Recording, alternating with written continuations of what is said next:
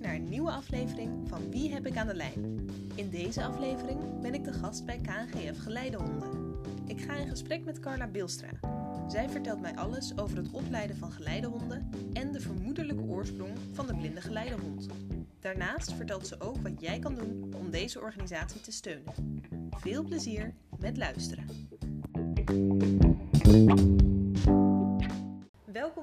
Aflevering van Wie heb ik aan de lijn? Ik ben vandaag op bezoek bij KNGF Geleidehonden en ik zit hier met Carla Bilstra. Zij is projectleider educatie. Uh, Carla, zou je jezelf willen voorstellen? Dat wil ik. Je zei het al, mijn naam is Carla. Ik werk bij KNGF Geleidehonden. Ik heb uh, 17 jaar lang ben ik hoofd van onze kennel geweest en heb dus altijd alle honden binnen zien komen en weer weg zien gaan naar onze cliënten. En op dit moment ben ik voornamelijk bezig met educatieve bezigheden en geef dus webinars over hondengedrag leerprincipes, zodat onze cliënten en onze puppypleeggezinnen, als ze daar behoefte aan hebben, nog meer kennis op kunnen doen. En hoe ben je hier terecht gekomen? Ja, dat is een beetje een, een verhaal op zich. ik kreeg een, een, telefoontje van een kennisje van mij die zei van Carla, ze zoeken iemand in Amstelveen bij KNGF Geleidehonden. Destijds woonde ik in de Achterhoek. Oh, wauw. En toen zei ik dus op mijn beurt, ja, dat geloof ik direct. Ze verzoeken in Rotterdam vast ook nog wel mensen, maar dat is best ver weg voor mij. Maar ja, het kriebelde toch een beetje, dus ik heb toch maar een sollicitatiebrief geschreven. En uh, twee maanden later uh, liep ik hier het terrein op en uh, werkte ik hier. En ben je toen ook verhuisd hier naartoe? Ja, ik woon nu 15 jaar in Amstelveen, denk ik. En voor die tijd heb ik een beetje heen en weer gereden, want ja een huis vinden hier is niet zo makkelijk als in de Achterhoek. Nee, nee, nee. dat is waar. En het lijkt me ook wel even een cultuurshock in die zin. Het is een grote verandering. Ik ja. moet zeggen dat ik heel blij ben dat KGF in de polder ligt. Mm -hmm. Dus ik ben veel buiten. Was dat niet zo geweest, heb ik denk ik nog wel een keertje achter mijn oren moeten krabben. Mm -hmm. Want uh, het buitenleven is toch wel heel erg prettig. Ja, dat kan ik me helemaal voorstellen. Heb je zelf ook honden? Toen ik hier kwam werken had ik er nog vier. Ik heb jarenlang eigen honden gefokt. En dat waren Norwich Terriers en Ierse Terriers. En ik had er nog vier toen ik hier naartoe ging. En die zijn alle vier meegegaan. Zijn nu ook alle vier overleden. En ja, bloedkruid wat niet gaan kan. Hè? Dus ik heb uh, een hazewindhond, zo'n greyhound destijds uh, ge okay. gekregen. Totaal iets anders. Die had ik er altijd al bij. Dat is een, uh, ik heb vroeger op een asiel gewerkt. En daar hadden we veel windhonden en dat vond ik geweldig. Mm -hmm. Dus ik had naast mijn terriers altijd één greyhound. En toen ik nog maar één hond mocht hebben, dacht ik, nou weet je wat, ik neem een greyhound. Maar die kon niet alleen zijn, dus dat was best een beetje een probleem. Ja. Toen heb ik een gesprek met mijn uh, leidinggevende gehad en gezegd... Vind je het oké okay als ik probeer er een hondje bij te zetten? Want als ik hem hier op kantoor heb en ik zet er een kennelhond bij... is er geen vuiltje aan de lucht... Dus misschien werkt dat ook als ik zelf een hondje bijneem, dat de problemen van blaffen en overlast afgelopen zijn. Ja. En dat werkte. Top. De Greyhound is helaas overleden vorig jaar. De Norwich Terrier heb ik nog, die is nu 13. ja. Leuk. Maar geen uh, Labradors, want die zie je hier vooral, hè? Wij hebben hier voornamelijk Labrador Retrievers, Golden Retrievers, Duitse herders en kruisingen ertussen. Oké. Okay. Dus het is best een hele... een mengelmoesje van honden eigenlijk binnen die drie rassen. Mm -hmm. En dat doen we omdat je ook heel veel mensen hebt die je een hond wil geven. Waarvan je zegt van ieder karaktertje is anders. Het werkaanbod is anders. En op deze manier hebben we ook een diversiteit aan honden. Ja, ja want over diversiteit gesproken. Um, de opleiding van de honden, we hadden het er net al even over. Ik ken KGF geleidehonden vooral van de blinde geleidehonden. Maar jullie leiden ze ook voor andere doeleinden op. Dat klopt. Blinde geleidehond is de eerste, ook de meest bekendste. Doen we ook het langst. Maar uh, het is eigenlijk een beetje van deze tijd om te ontdekken blijkbaar dat honden veel meer kunnen. En wij zijn, hebben gewoon hele goede honden. Maar een blinde geleidehond die bijvoorbeeld hoogtevrees heeft, kan geen blinde geleidehond worden. Mm -hmm. Want hij zet zijn baas nooit van zijn leven bovenaan een trap, want dat is een gat naar beneden. En zo'n hond moesten we dus vroeger afkeuren. En ja, dat is toch vreselijk jammer. Ja. En nu er meer disciplines zijn, kan zo'n hond nog heel goed ingezet worden. Bijvoorbeeld bij een kind met autisme, bij iemand in een rolstoel, iemand met PTSS, posttraumatische stressstoornis, dus oud geuniformeerde. En op die manier hebben we onze honden een groter bereik. Ze zijn allemaal even belangrijk, zeg ik. Ze geven allemaal zelfstandigheid en vrijheid aan hun cliënten. En of dat nou een blinde, slechtziende cliënt is, of iemand in een rolstoel, Het effect van de hond is gelijk. Je hebt namelijk meer zelfstandigheid en je bent vrijer om te doen wat je graag wil. Ja. Ik zit ook meteen even te denken.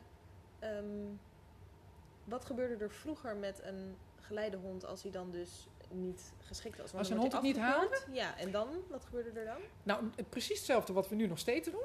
Al onze honden zijn onze verantwoording, zeggen wij altijd. We hebben ze op de wereld geschopt, dus we zullen er netjes voor zorgen. Op het moment dat een hond of met pensioen gaat, of om wat voor reden dan ook niet voor ons aan het werk kan, dat is trouwens maar een heel klein percentage, hebben wij een wachtlijst van mensen die graag een hond van ons willen. Hm. Daar gaan we bij op de koffie. Om te kijken of het inderdaad klikt. En of het, eh, nou heel zwart-wit gezegd, werk je de hele dag, dan zegt KGF Geleidehonden op zijn beurt, ja, daar ga je geen hond van ons krijgen, want we zitten de hele dag alleen. En dat is niet de bedoeling. Dus ook onze gepensioneerde honden, ook onze honden die om wat voor reden dan ook niet gaan werken, zorgen we dat ze een goed huis krijgen. En jullie kijken dan, eh, dit is even een veronderstelling, maar kijken jullie dan eerst binnen de eigen kring? Gewoon de collega's hier, de trainers waar jullie mee bevriend zijn? Of zoeken jullie altijd een extern gezin? Als we het hebben over gepensioneerde hond, dan vraagt de, heeft de cliënt die de hond had altijd de optie om hem te houden. Naast de nieuwe hond. ja. Maar stel je bent alleenstaand en je hebt een baan. Dan betekent dat je nieuwe hond, waar je mee aan het werk gaat, mee naar je werk kan. En de ander niet. En de ander niet. Als dat betekent dat die andere hond dus de hele dag alleen thuis is, zeggen wij op onze beurt, is niet verstandig. Dan zijn er heel vaak familieleden, vrienden, kennissen in de buurt van de cliënt die zeggen van die hond heeft zoveel voor je betekend. Zijn pensioen, zijn oude dag, die mag hij bij ons doorbrengen. Lukt dat ook niet, dan wordt het pleeggezin gebeld die de pup opgevoed heeft. Van, moet je horen, jullie pupje van Zoveel jaar geleden. gaat met pensioen. En als dat ook niet werkt, dan hebben we die wachtlijst. Gebeurt dat vaak? We hebben ze he- altijd op een goede plek gekregen. Ja, nee, maar het, het lijkt mij heel bijzonder dat als je dus een, een adoptie of een pleeggezin bent voor een pup, dat je dan dus na tien jaar of zo gebeld wordt en dat ze zeggen, nou, eh Brammetje, die eh, wil je Het, gebeurt, ja. ja maar er heel veel honden komen toch bij familieleden terecht van degene, Ja, waar, van de cliënt. Laat ik ja die heeft zeggen. natuurlijk ja. jarenlang mee gewerkt. Die Ja. hebben natuurlijk een hele sterke band. Ja. Ja. en de mensen eromheen kennen de hond ook. Hè? Dus de hond kent hun ook. En ja, ze zien wat die hond gedaan heeft en betekend heeft. ja. Dan is dat vaak wel een oplossing. En hoe ziet zo'n opleiding eruit voor zo'n hond? Want we hebben het er net al over, je, jullie werken met pleeggezinnen voor de pups. Ja. En dan? Wij beginnen met, eh, als je met het fokken begint, hè, wij hebben eigen teefjes, we hebben eigen reutjes. Die zitten allemaal in het, wat wij dan noemen een fokgastgezin. Zijn ze gewoon lekker huishond. En we hebben hier op het KGF een, een aantal collega's die bepalen welke reu met welke teef. De fokcommissie. En die kijken ontzettend goed naar combinaties die ze maken. Dan wordt zo'n pupje wordt geboren in het fokgastgezin van de teef. Daar is iemand van ons bij, zodat die bevalling goed gaat. En dan krijgen we op 7,5 week, 8 weken, komen de pupjes allemaal hier naar school. Een uurtje. En dan komen er allemaal pupjepleeggezinnen. Die komen hun pup even ophalen. En die krijgen dan een mand en een zak voer en een riempje. En nou, noem maar op. Dat wat ze nodig hebben dat eerste jaar voor die pup krijgen ze mee. En dan krijgen ze daarna van onze puppy-instructeurs ongeveer iedere zes weken bezoek. Om ze te ondersteunen bij de opvoeding van de pup. En kan iedereen dan zomaar puppypleeggezin worden als je denkt, nou joh, lijkt me leuk, ik schrijf me nu in? Of zijn er ook al eisen? We, ja, we hebben zeker eisen. Eh, Wat ik net zei, van als we tegen een cliënt zeggen... je hond moet de hele dag alleen zijn... dat geldt ook voor de puppypleeggezinnen. Bij ons is het zo dat de pup maximaal twee keer per week... twee uur alleen mag zijn. Daarnaast moet er een volwassene aanwezig zijn. Eh, woon je op een flat 4 hoog en er is geen lift... gaat het hem niet worden. Traplopen is voor jonge honden erg ongezond. En het wordt echt een klus als je een hond van 30 kilo... vier keer op een dag naar boven en naar beneden wil dragen. Ja. Dan ben je misschien geneigd om te zeggen, ach, maar dat kan ik wel. Met het risico dat een van tweeën naar beneden valt, willen wij in ieder geval niet lopen. Dus we zeggen dan, ja, sorry, kan niet. Daarnaast moet je bereid zijn en de tijd hebben om hem te socialiseren aan kinderen, aan dieren. Maar ook, je moet een keer met de trein, je moet met de bus, je moet het winkelcentrum in. Je moet, nou, heel veel dingen. Zodat die hond straks, als hij bij een cliënt is, dat allemaal kent. ja, dat hij de basis heeft. Dat hij de basis heeft. Iets meer dan de basis zelfs altijd. Ja. Die sissende deuren van een bus doen nog heel veel honden een stapje voor terug. Mhm. Als jij cliënt bent en je wilt die bus in en je hond gaat in de achteruit, ja, dat is niet handig. Nee. Dus dat doen onze pleeggezinnen ook. En wij hebben dan het voordeel, als ik met mijn hond de supermarkt in wil, dan zegt de supermarkt, ah, ah dat kan niet mevrouw, honden horen buiten. Onze honden mogen wel de supermarkt in. De KGF geleidehonden, Ja. in opleiding. Dus daar hebben we vrijstelling voor. Dus onze pleeggezinnen werken hard. Ja. Maar het is wel heel leuk. ja, want ik kan me ook voorstellen, eh, socialiseren, als je één keertje even met de bus gaat, dan is jouw hond natuurlijk nog niet gewend aan dat geluid. Nee. Dus je zal dat zeker nog een keer of twee moeten herhalen. Wel vaker. Ja, Ja, wel vaker. Ja. Ja. En stel, ehm, ik heb al een hond, maar ik zou toch heel graag aan bijdrage leveren. Ik denk, ik wil, ik wil toch ook een pup erbij voor KGF geleidehonden. Kan dat dan? In principe wel. We komen, hè, wat ik net zei, we gaan altijd kennis maken met de mensen van tevoren. Van realiseer je waar je aan begint? Eh, woon je geschikt? Heb je de tijd ervoor? En als jij een hond hebt, is die goed opgevoed? Mhm. Nou ja, dat is natuurlijk Daar ook kijken we ook naar. Het moet dezelfde, eh, dezelfde training en dezelfde manier van opvoeden hebben natuurlijk, als wat jullie, waar jullie verder op bouwen. Dus het moet ook wel stroken met, met jullie waarden en normen. Ja en nee. Ja, in de trant Dat is van. interessant. Ja, nou weet je, het is zo van, wij, wij zijn heel menselijk. We kijken altijd heel menselijk. Hè? Op het moment, stel je hebt twee honden en de een mag op de bank en de ander niet, vinden wij dat zielig. Want die ene hond ligt ook op de bank, dan mag de ander ook. Maar die hond ziet dat niet zo. Mhm. Hij kan het wel afkijken, dus het is wel een nadeel. Dus wij vinden het veel fijner dat ook de huishond niet op de bank gaat. En dat hij netjes luistert en dat hij niet vecht. Hè? Want dat is ook zoiets.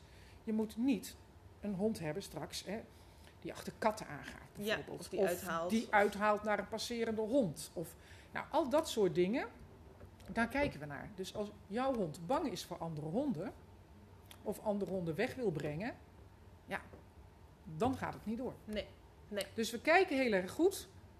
Maar het is niet zo dat eh, het een perfect opgeleide hond moet zijn en geen vouwtje mag hebben, want het zijn wel levende wezens. Ja, exact.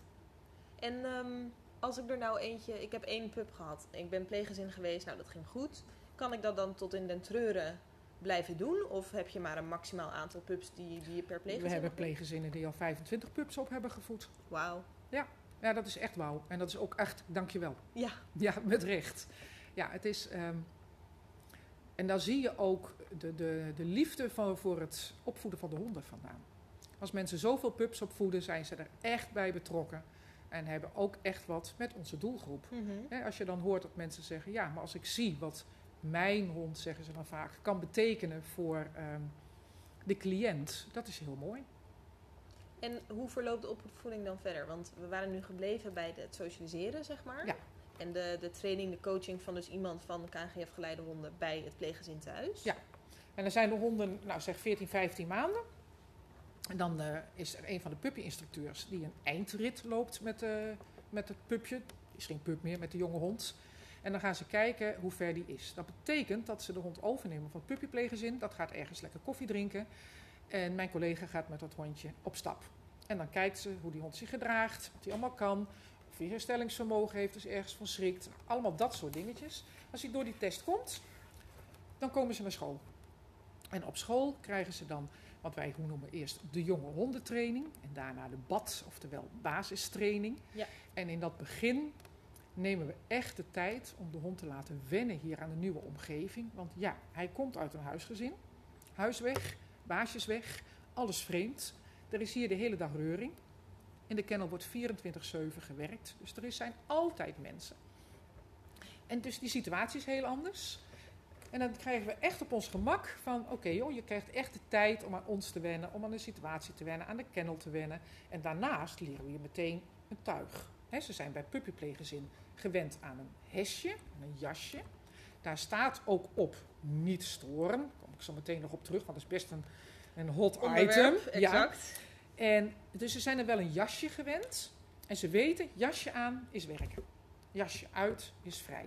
Dat blijft hun hele leven zo. Ja. En dat weten ze ook precies. En dat zorgt voor rust. Dat zorgt voor rust, zorgt voor duidelijkheid. Maar zorgt ook voor ontspanning. Want ze lopen allemaal als normale honden door het bos te rennen, spelen met andere honden. Het zijn gewoon honden. En zodra het jasje aangaat of het tuig omgaat hè, bij de blinde geleidehond, dan zie je de focus komen en zijn ze aan het werk. Hm. En bij de blinde geleidehond duurt zo'n opleiding dan ongeveer zes tot acht maanden. Bij onze andere honden, assistentiehond, nou, zeg gemiddeld vier maanden. En onze buddyhonden, hè, dat zijn de honden waar ik net over had, van waar iemand uh, oud geuniformeerde met posttraumatische stressstoornis. Of um, een, kind met, een jong kind met autisme. Die opleiding duurt ongeveer twee maanden. Hm. En we hadden het net ook eventjes over de oorsprong van blinde geleidehonden. Dat is ook een mooi verhaal. Zou je die met onze luisteraars willen delen? Jazeker. Je weet natuurlijk nooit 100% of verhalen waar zijn. Maar in de Eerste Wereldoorlog werd er heel veel gifgas gebruikt. Er werden heel veel soldaten slechtziend of blind van en kwamen dus op die manier thuis. In die periode, als je wat dan ook maar markeerde, was je dus gehandicapt en dus zat je thuis. En was je afhankelijk van andere mensen. En op een gegeven ogenblik heeft iemand, vraag me niet wie, gezien dat er een slechtziend iemand met een hond van A naar B ging. Dan gaan de radertjes draaien. Dan zijn er mensen die zeggen van, goh, misschien moeten we dat eens uitbreiden en kijken of we honden kunnen trainen. Dat is in Zwitserland en in Duitsland opgezet. Dat gaf een goed resultaat. Dan krijg je het Rode Kruis, wat, dat dan, hè, wat overal komt. Die ziet dat gebeuren en dacht op een gegeven moment, dat gaan we in Nederland ook doen. En toen was er het Nederlands Geleidehondenfonds. En na een aantal jaren kwam de koningin hier langs. En die liep met een blinde geleidehond. En die was zo onder de indruk dat we het predicaat koninklijk hebben gekregen. En toen zaten jullie al op deze locatie? Nee, toen zaten we nog op de Middenweg in Amsterdam. Wauw. Ja. ja, maar je kunt je misschien voorstellen... Dat was anders dan nu. Dat is echt anders. Ja. We zijn ook gegroeid natuurlijk, want in de, ja, we hebben nu gemiddeld 40 tot 60 honden in de kennel zitten. Dat was toen wat minder. Ja, je groeit, je gaat mee, je ontwikkelt. En we zitten nu in de polder, heerlijk in het buitengebied. Mm Maar we gaan in de stad trainen. Dus we gaan naar Amstelveen, we gaan naar Oudekerk, maar gewoon ook naar Amsterdam. Zodat de honden in een langzame opbouw de moeilijkheidsgraad. Wij, wij voeren dus de moeilijkheidsgraad op. Ja. Op een voor de hond acceptabele manier. En wanneer heb je dan het maximale behaald? Wanneer is een hond zeg maar uh, klaar om naar een, een uh, cliënt gestuurd te worden? Noem je dat een cliënt? Ja, ja. Okay. ja. ja. Dat hangt er een beetje van af wat voor een uh, beroep je hebt als hondzijnde. Als blinde geleidehond gaat een van mijn collega's, die loopt de zogenaamde eindrit, of de testrit. Die heeft de hond niet getraind, dus die gaat met de hond naar Amsterdam.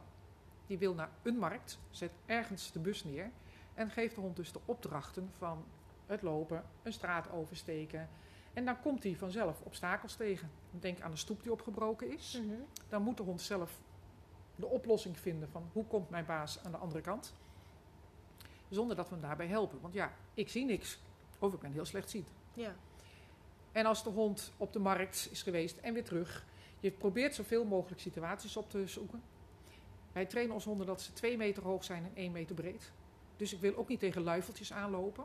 Ja, ik denk dat je die even moet uitleggen, want dat klinkt natuurlijk heel gek. Maar je bedoelt, uh, een, een, hond moet natuurlijk niet alleen met zichzelf rekening houden, maar ook Juist, met... maar ook met de baas ernaast. Ja. ja. Dus heel simpel gezegd, een pleeggezin. Als ik met mijn hond het bos in ga en er staat een paaltje, zou ik maar zo zelf aan de ene kant van de paal langs kunnen gaan, mijn riempje optillen en de hond aan de andere kant. Ja. Dat zul je onze pleeggezinnen nooit zien doen. Hm.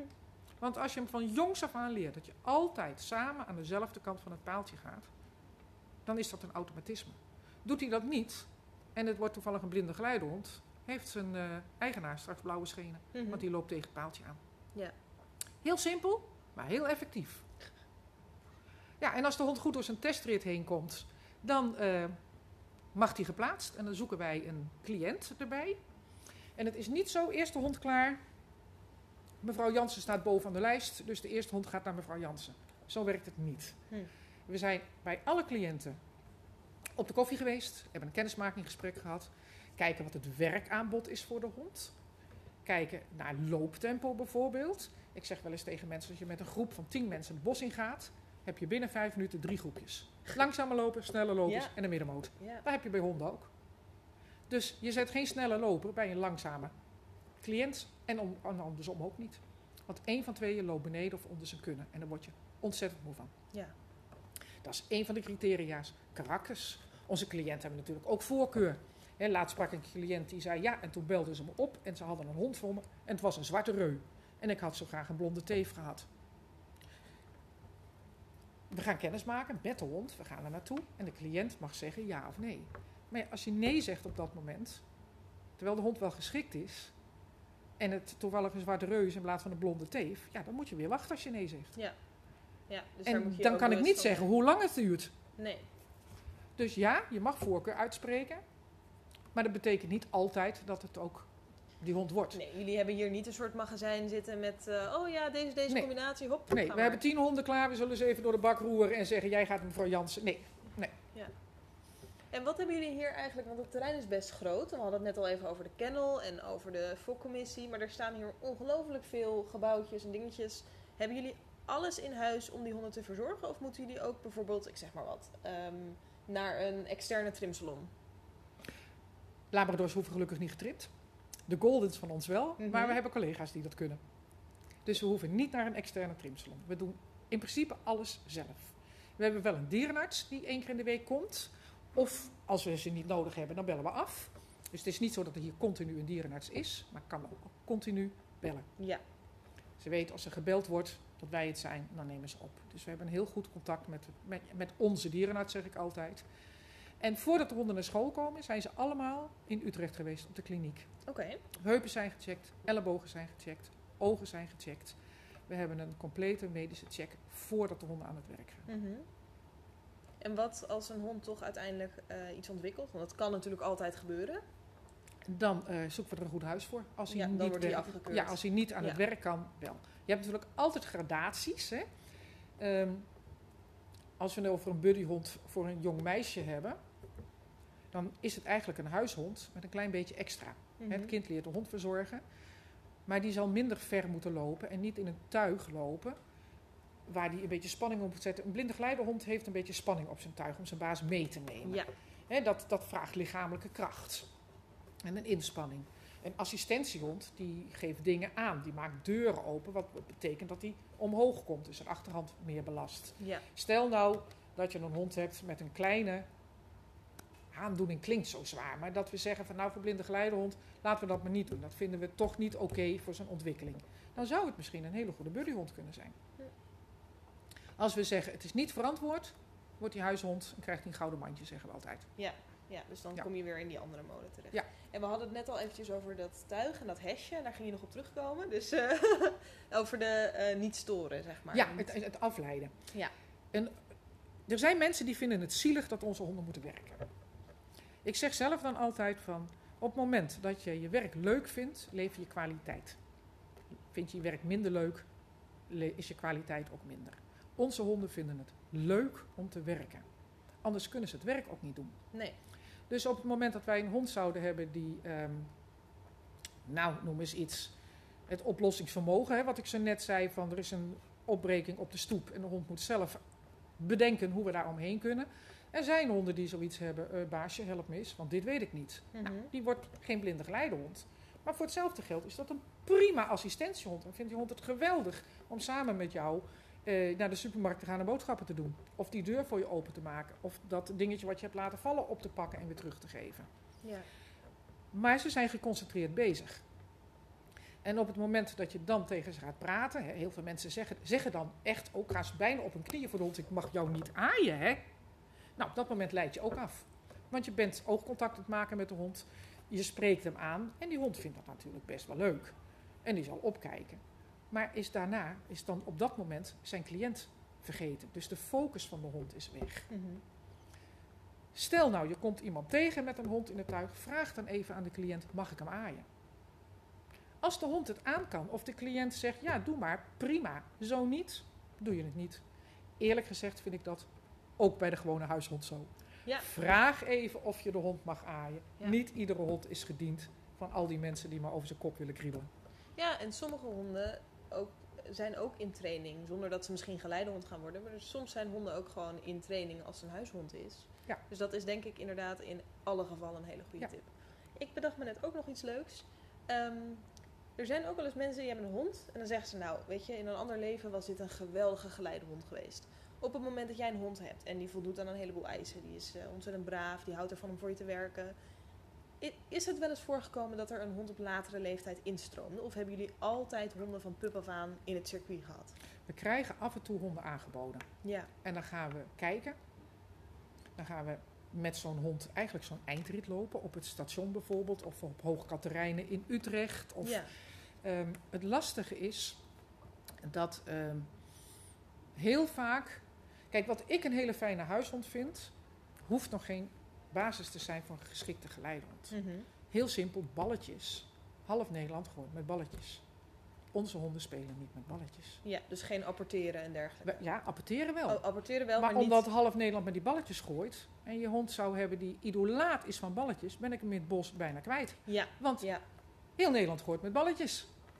En dan wordt het een lastig iets. Mhm. Apporteren, zeker bij onze assistentiehonden. Ja, want ja, die moeten van Ja, alles oppakken. Maar andere vorm natuurlijk. Ik zat automatisch te denken inderdaad aan eh, het balletjes gooien en dergelijke. Maar natuurlijk het aangeven van dingen of het oppakken van een Ja, pen die je laat is ook een apport. Ja, is ook Ja. een apport. Ja. Ja.